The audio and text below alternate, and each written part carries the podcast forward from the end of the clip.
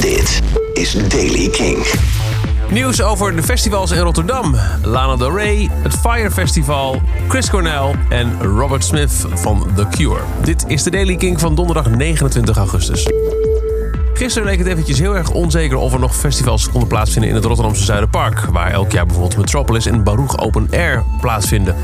Het had alles te maken met bezwaren van twee omwonenden. Die hadden bij de Raad van State gezegd dat het gemeentelijke bestemmingsplan niet zomaar gewijzigd mocht worden. En dat er dus geen festivals meer plaats mochten vinden. Eh, Die gingen gisteren akkoord, de Raad van State, met de bezwaren. Waardoor er eventjes onduidelijkheid was bij de organisatie van Metropolis en Baruch Open Air. eh, hoe nu verder? Francis Sprong van Baruch sprak gistermiddag op Kink met Tim op het broek in het programma Kink Rush Hour over hoe dat nieuws daar binnenkwam. Ja, ja, geschrokken natuurlijk. Ja. Want ik werd vanmorgen gebeld door de media en ik wist zelf, zelf waren wij helemaal niet geïnformeerd. Dus we schrokken ons een hoedje. Ja. Ik was eerst de datum aan het checken van is het geen 1 april, maar nee. Nou, inmiddels is er iets meer duidelijk. Het is, lijkt niet zomaar uh, einde oefening voor de festivals. Het gaat in het Zuiderpark over zogenaamde nul-evenementen. Dat zijn kleine activiteiten zoals een, een buurtbarbecue. En die mogen niet zomaar plaatsvinden zonder vergunning. Lana Del Rey heeft in een interview met BBC Radio 1 gezegd dat ze vreest dat haar thuisstad ten prooi kan vallen aan een massale schietpartij. Dan gaat het over Lake Placid in New York. Lana praatte ronduit over mass shootings. Ze houdt daar heel bezig. Zo maakte ze onlangs al bekend dat ze de opbrengst van haar nieuwe single doneert aan de nabestaanden van de meer dan 30 doden bij de mass shootings in Ohio, Texas en California. In het interview zei ze. Als je wakker wordt en je kijkt op je telefoon, het lijkt elke dag haast wel een keer weer mis. Uh, Kansas, uh, waar dan ook. Ik denk dat het tijd is om te stoppen en ons af te vragen waar we mee bezig zijn. Eerder deze maand onthulden ze ook al dat ze Looking for America schreef met producer Jack Antonoff... en dat ze diep getroffen was door de massa-shootings in Dayton en El Paso.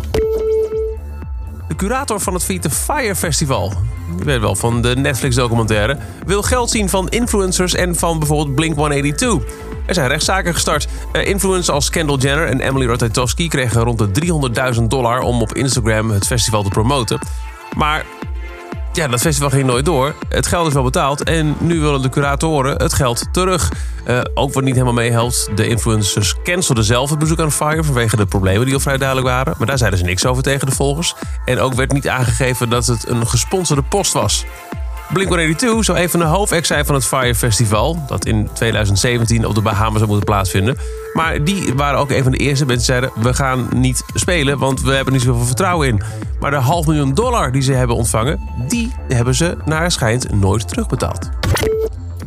Gibson, de Amerikaanse gitaarfabrikant, is begonnen met wereldwijde pre-orders voor een limited edition Chris Cornell gitaar. De Chris Cornell Tribute ES335. Het model werd half januari geïntroduceerd tijdens een groot eerbetoonconcert aan Cornell. I Am The Highway, a tribute to Ross Cornell in, uh, Chris Cornell in Los Angeles. Chris Cornell zelf werkte voor zijn overlijden nauw samen met Gibson voor het ontwikkelen van de ES335 gitaar.